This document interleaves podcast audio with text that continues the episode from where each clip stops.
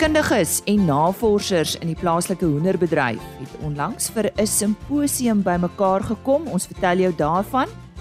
Dan is daar lande wat al soortgelyke elektrisiteitstekorte as Suid-Afrika ondervind het en watter planne het hulle gemaak?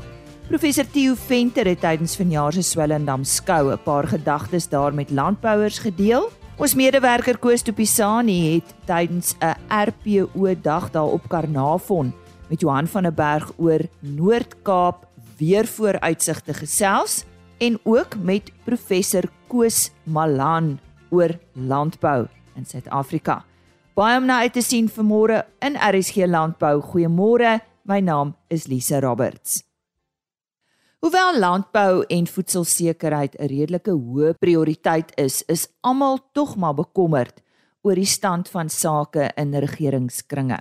Professor Koos Malan, 'n konstitusionele jurist voorheen verbonde aan Universiteit van Pretoria en tans betrokke by Sakeliga, het tydens die RPO Noord-Kaap dag met die boere gesels oor die toekoms van Suid-Afrika en waar die landbou inpas. Koos Tupisani het met hom hieroor gesels. Professor, die landbouers kom dikwels in die spervuur. Wat my bekommer ook is daar word al daar's al hoe minder landbouers in die bedryf deesdae. Hoe sien jy die toekoms van landbou in Suid-Afrika? Uh, ek sien die, die toekoms van landbou tog gunstig nie noodwendig oral nie en ek sien die toekoms vir landbou binne 'n heeltemal ander nuwe perspektief. Landbou het die afgelope 30 jaar dink ek uh, daarin geslaag om by baie nuwe moeilike omstandighede aan te pas en toon 'n veerkragtigheid om by die toenemend vervallende staat inderdaad ook aan te pas en om etlike funksies uh, wat tans nog deur die vervallende staat uh, vervul word alhoewel in 'n swakker en swakker mate doodnoodig oor te neem, het sy totaal op landbouers se eie of in samewerking met 'n verskeidenheid van ander organisasies uh, in die burgerlike gemeenskap en in die ekonomiese sektor. Uh, en ek dink as dat as daardie 'n uh, wederwysige samewerkingsmodel gevolg word, is daar inderdaad vir landbou 'n goeie toekoms. Moontlik nie oral in Suid-Afrika nie, maar definitief op baie plekke wel, soos onder andere hier waar ons nou is in die Noord-Kaap. Nou, so jy sê die boere moet meer betrokke raak by hulle plaaslike regerings of uh, waar waar moet hulle inpas om om die saak te beredder? Ek dink uh, daar's eh, 'n uh, onderskeid wat mens moet tref. Uh dit is so dat daar sekere plaaslike regerings is wat nog betreklik goed funksioneer. Uh of wat al funksioneer hulle nie baie goed nie, uh, daarom ten minste 'n bevatlikheid daarvoor het om in die burgerlike gemeenskap saam te werk. Daar is baie sulke munisipale owerhede. En ek dink wanneer daardie geleentheid daar is, behoort die landbougemeenskap en ander mense, ander mense in die burgerlike samelewing en so aan aan te gryp. Maar dan is dit te gelykertyd so dat daar baie ander munisipale owerhede is uh, wat doeteenvoudig so ontdoen is van enige vorm van uh van bekwaamheid en wat so korrup is en wat hulle self so bewys het as nie in staat tot enige regering nie dat dit eintlik uh nie die moeite sal loon nie dat dit tydverspilling sal wees om met hulle saam te werk omdat daar gewoon niks meer is om mee saam te werk nie. En die antwoord in daardie geval is dat uh landbouers het sy uh op uh, individuele grondslag maar verkieslik binne organisatoriese grondslag hande moet moet vat met uh, met burgerlike organisasies, met sakeorganisasies ensovoorts wat gelukkig daar is en wat hulle self toenemend organiseer om 'n klomp funksies wat in die verlede deur die staat vervul is, nooit eenvoudig oor te neem. Of dit nou is funksies uh, wat uh, betrekking het op beveiliging, wat natuurlik baie belangrik is, of dit nou is met betrekking tot kragopwekking en voorsiening, uh, of dit nou is met betrekking tot vervoer, uh, die die instandhouding van padnetwerke en of dit nou is met betrekking tot kragopwekking uh, al daardie soort van goed dink ek uh, dat binne die uh, private sektor en binne die burgerlike en ekonomiese sektor is daar enorme energie en ek dink wat ek uh, wat ek ook raak sien uh, in my omswervinge en in my kontakte met mense uh, oral in die sake sektor veral uh, is dit duidelik dat daar enorme energie los is wat natuurlik gebeur is dat die uh, verval van die staat en die skynbaar uh, onomkeerbare induistorting van die regering en van die staat in die breë kan mens op twee wyse op reageer. Jy kan eers sê wel, dit is nou alles is nou daarmee heen. Die volgende uh, reaksie wat 'n baie meer konstruktiewe reaksie is, is om gunstig, konstruktief daarop te reageer en te sê, "Maar luister, dit skep geleenthede. Dit skep geleenthede vir die georganiseerde privaat sektor waarby die burgerlike gemeenskap, uh, sakegemeenskap en natuurlik die landbou ook betrokke is en om die geleenthede wat dit bied eenvoudig te baat te neem." Um, eet uh, in die praatjie die gesels oor die eienskappe wat 'n staat moet hê. En uh het ook verwys na mikro-republieke. Ehm um, sou u sê dat so iets moontlik sal wees op platteland uh om om om te begin? Uh, ten opsigte van landbou of uh, is dit nie is dit nie prakties nie? Goed, kom ek gee net eers agtergrond. Uh, ek sê dat 'n staat moet beskik oor basies drie eienskappe. In die eerste plek moet daar darm 'n taamlike aansienlike eensgesindheid in die burgerlike samelewing wees oor watter waardes, watter politieke en ekonomiese waardes al die burgery bind. Uh, dit het in Suid-Afrika verval, grootendeels verval. Ons kan in besonderhede daarop ingaan. In die tweede plek moet jy 'n behoorlike strafregstelsel hê, in stand gehou deur die polisie veral uh, en natuurlik deur die uh, vervolgingsgesag. Dit het in altyd bestaan in Suid-Afrika tot 1994 en nog 'n rukkie daarna, maar op hierdie stadium weet ons almal uit oorweldigende getuienis dit het ook verval. En in die derde instansie moet dan natuurlik 'n baie goeie ehm uh, harde infrastruktuur wees uh, in die vorm van kragopwekking, uh, kragvoorsiening, uh, distribusie, paaie ensovoorts ensovoorts wat 'n ekonomie moontlik maak. Al daai drie goed het verval op en en gaan toenemend verval. Ek kan nie omdraai sien nie. En daarom dink ek iets soos die voortsetting van Suid-Afrika as 'n een eenheidsstaat soos wat ons geken het sedert 1910 tot onlangs. Dis eintlik daarmee heen.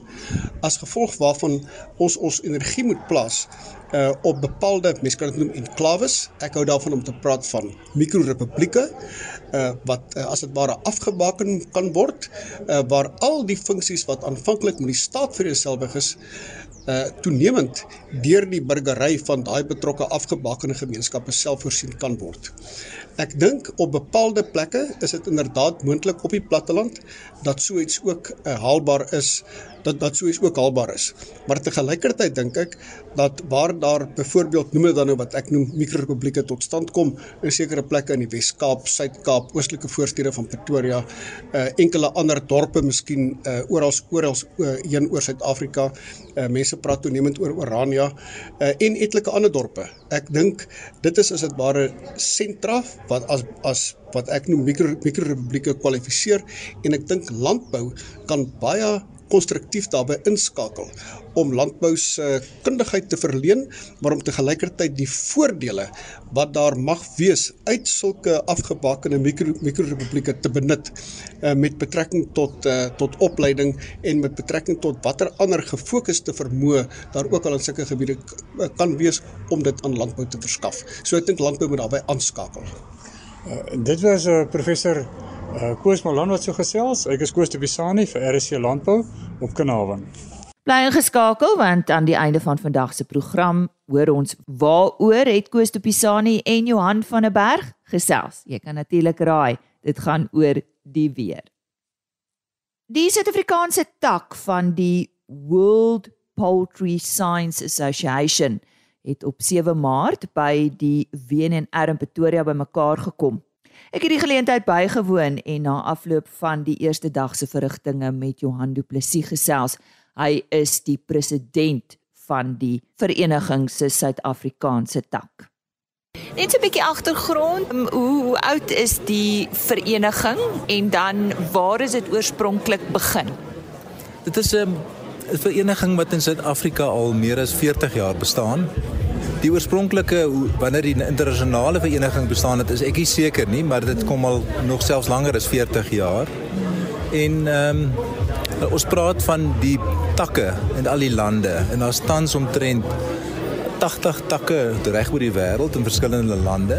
Daar's 8000 lede en en van die WPSA in in die wêreld, maar die ons praat van die hooftak of in Engels die main branch is in Nederland gesekel van waar hulle die die, die organisering doen van al die takke. Nou jy praat van lede. So wie wie is die lede? Is dit maar almal wetenskaplikes? Is dit organisasies wat wetenskaplikes in diens het? Hoe werk dit? Ons dit is oop vir enige een wat wil wat wil aansluit by die WPSA. En dit gaan dit sluit aan by wat ons hoofdoel is. Die hoofdoel van die WPSA is drieledig. Dis opvoeding, navorsing en organisasie. So die doel van die WPSA is om enige inligting, navorsing na die bedryf toe te bring en dit is dit is ons uitsluitlike doel en dan in die proses te help het sy met universiteite met navorsing ook dan die na die produsente toe te vat deur 'n dag soos vandag waar ons mense bymekaar kry en die nuutste inligting deel. Nou hierdie is julle 39ste geleentheid. Hoe gereeld uh, bied julle suites aan? Ons bied dit jaarliks aan en uh, ons het nou vir 1 jaar in 2020 met die COVID het ons dit gekanselleer en toe het ons selfs aanlyn aangegaan en dit is nou weer die eerste keer dat ons weer in persoon aanbied. So hoe groot is hierdie sessie nou vandag? Ek bedoel daar's hier's ek is beïndruk, hier's baie mense. Hier is uh, amptelik wat geregistreer is. Die la laaste wat ek gehoor het was so 410 mense. Ja. Ja. 'n bietjie meer oor julle tema van vanjaar en ek dink dit is ook uh, redelik toepaslik. Applied poultry science in a challenging environment. So dis 'n uh, toegepaste hoenderwetenskap in 'n veranderende omgewing. Ja. Hoe het julle nou daarop besluit? Ag ons het gekyk na al die uitdagings wat daar is. En soos ek um, vroeër genoem het Uh, dit is goed soos grondstofkoste, mieliepryse wat baie hoog is en dit was 'n baie moeilike tyd vir jou kleinveeprodusente met hierdie hoë grondstofpryse. En so ons doel is dan om hulle te help en te sê maar wat is die nuwe tegnologie hoe jy meer doeltreffend kan werk of wat wat se planne kan jy maak om net te seker te maak jy bring jou produksiekoste af en dit en dit is die dit is die doel. En jouself, jy's ook in die bedryf. Wat doen jy? ja, ek werk vir Quantum Foods. Ek is self 'n kleinvee voedingskundige en um, ja, ons uh, werk vir 'n voermaatskappy binne Quantum Foods. Net vir die interessantheid vir die van ons wat nou nie hier kan wees nie, uh, uh wat is van die onderwerpe wat aangeraak word oor 2 dae? Ons hou daarvan om 'n half 'n 'n draad te skep deur die dag in die twee dae. En dis eerste keer as jy twee dae aanbied. So ons begin ons begin altyd met soos ons sê setting the scene. Waar staan die bedryf op die oomblik? En dan begin ons 'n paar oplossings op die tafel sit. En ons kyk vandag byvoorbeeld na die hoofspreker het gepraat oor aminosure kombinasies en hoe kan mense die ehm um, die produksie verbeter deur seker te maak dit is korrek. En ehm um, allerlei aspekte dan tegnies. Ons kyk na uh, ons het 'n veearts wat praat oor die ehm um, avian influenza, nou is ehm um, siekte, waar staan ons en hoe die voëlgriep en waar staan ons in die wêreld want hulle gesels met ander wêrelddele, wat is besig om te gebeur, die mense daaroor in te lig. En ja, nuutste ontwikkeling oor kalsium in in in produksie. Ons spreek 'n hele paar dinge aan. Wat vir my interessant was van vandag is julle spreker uit uh, Duitsland uit. Hulle die Europeërs is nou maar baie gefokus op uh, klimaatsverandering. Ja. Ja, hy hulle behalwe klimaatsverandering is ook oor om proteïen vlakke te verlaag en effek op die omgewing. En alhoewel Suid-Afrika miskien nie op die vlak is reeds waar die Europeërs is nie, kom daar dinge uit hulle navorsing uit waar ons ons ook uit kan leer. Partykeer is mense bang byvoorbeeld om 'n proteïen vlak te verlaag en hulle het gesien jy kan dit verlaag sonder geen negatiewe effekte nie en dan het kry die produsente besparing minstens. Julle Hall of Fame. Dis nou interessant. Uh, ek sien professor Gous is daar. Vertel ons van hom en en en is dit ook iets wat al saam met julle kom vir 'n rukkie? Ja, professor Gous is 'n legende in ons bedryf. Hy is oorspronklik van uh, hy was by Natal Universiteit, 'n dosent in pluimvee voeding en pluimvee produksie. En hy was 'n groot dryfveer agter hierdie WPSA in Suid-Afrika. Hy was die president vroeër vir baie jare. En dan het hy ook vir ons verteenwoordig op internasionale tak. So hy was 'n visiepresident, een van vyf visiepresidente wat altyd ehm um, wat is wat wat die Engels sê die office bearers is en so hy het ons daar verteenwoordig en hy het, hy's baie bekend gewees reg oor die wêreld vir sy navorsing wat hy gedoen het. En volgende jaar weer maart maand dit is nou ons het so 'n bietjie dit die water gepols daaroor, maar dit lyk of dit maart gaan wees. Dit dit ehm um, of dit beter inpas in die mense se skedules en jaarbeplanners. So ons gaan waarskynlik dit weer in maart doen. En vir iemand wat dalk nou luister en belangstel om by julle aan te sluit, wat is die beste? Wel, ons het 'n uh, webwerf wpsr@gmail.com kan jy kan hulle vir ons 'n e-pos stuur en ons sal enige inligting terugstuur en dit is baie maklik om hulle te word van ons. Johan Du Plessis, president van die Suid-Afrikaanse tak van die World Poultry Science Association en hy het gesels oor hulle doel en waarop hulle gefokus het en wat die toekoms inhou vir hierdie vereniging. En soos ek vroeër gesê het, navorsers en voedingkundiges het op 7 Maart by die BNR byeengekom vir hierdie jaarlikse geleentheid.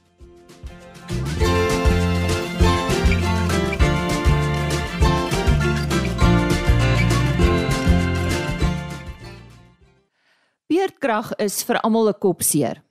Hoe groot is die Eskom krisis? En hoe lank gaan beerdkrag nog met ons wees?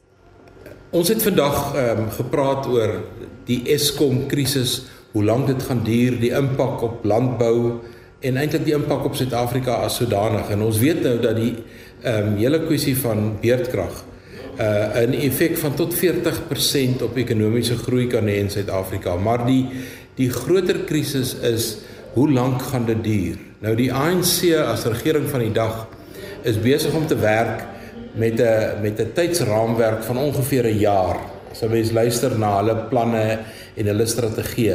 Dit uh, is natuurlik 'n poging om vir die kiezer uh, 'n idee te gee dat teen volgende jaar se verkiesing sal ehm um, die hele kwessie van beerdkrag opgelos wees. Ek dink dit is 'n mite. Die uh, saak gaan op sy beste van 2 tot 5 jaar duur om uit die beerdkragsituasie uit te kom. So die die die vraag nou is wat moet ek en jy doen? Wat moet die landbouer doen? Wat moet die wat moet die boer doen?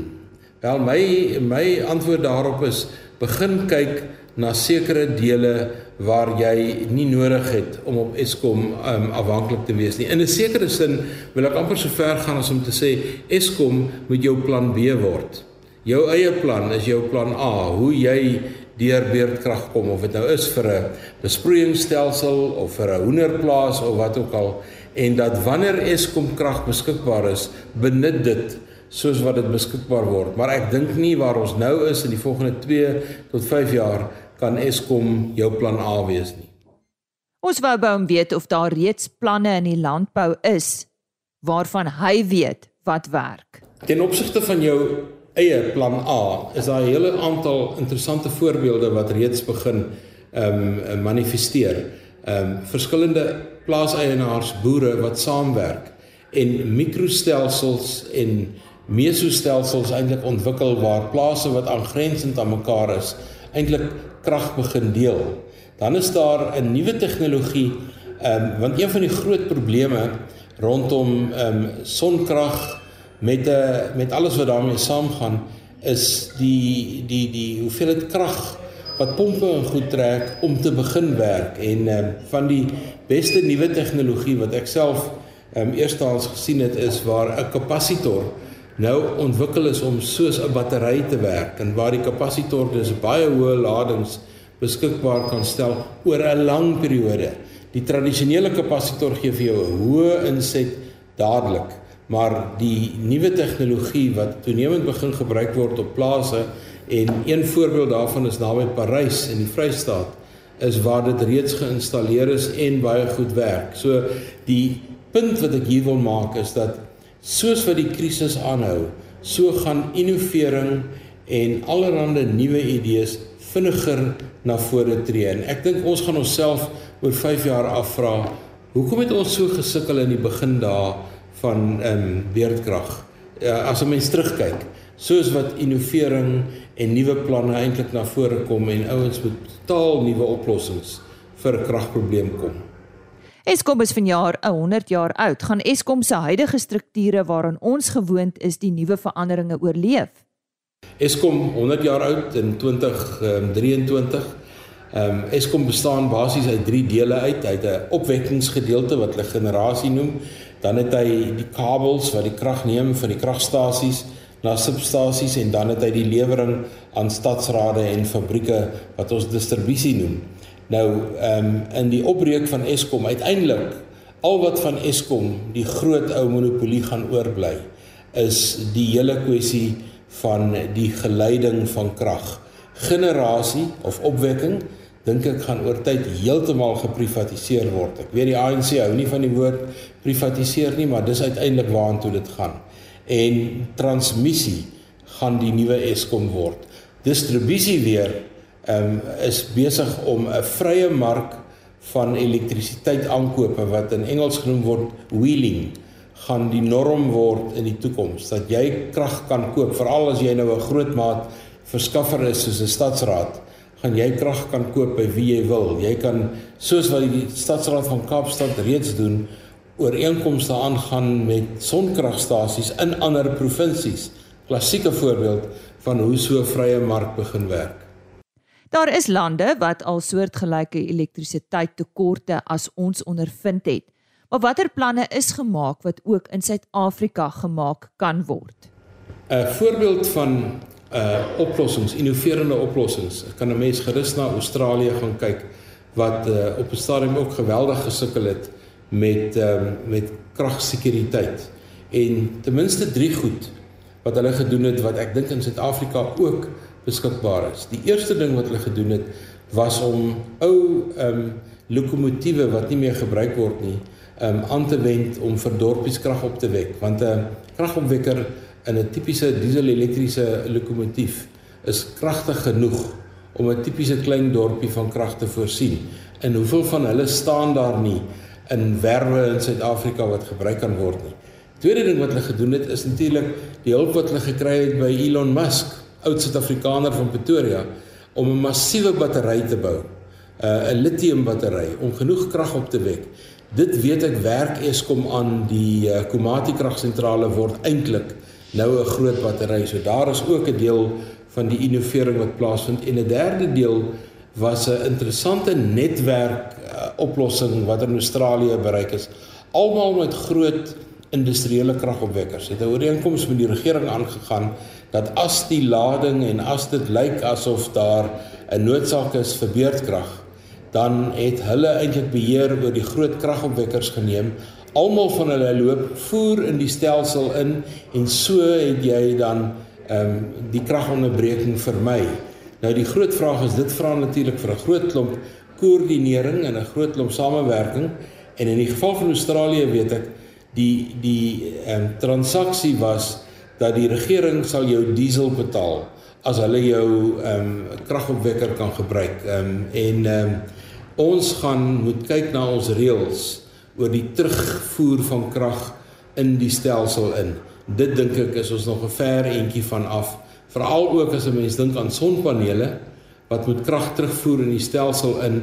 En sover my kennis strek is daar maar 3 munisipaliteite in Suid-Afrika wat reeds die ordonnansies in plek het dat jy krag kan terugvoer. So daar's 'n groot klomp werk om uiteindelik beslag te gee aan die oplossings waaroor ons praat voordat dit werklik geïmplementeer kan word.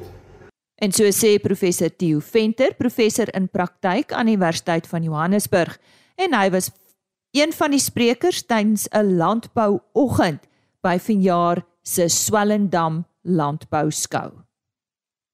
Vir ons laaste bydrae vir oggend sluit ons weer aan by Koos Dupisani, ons medewerker in die Noord-Kaap.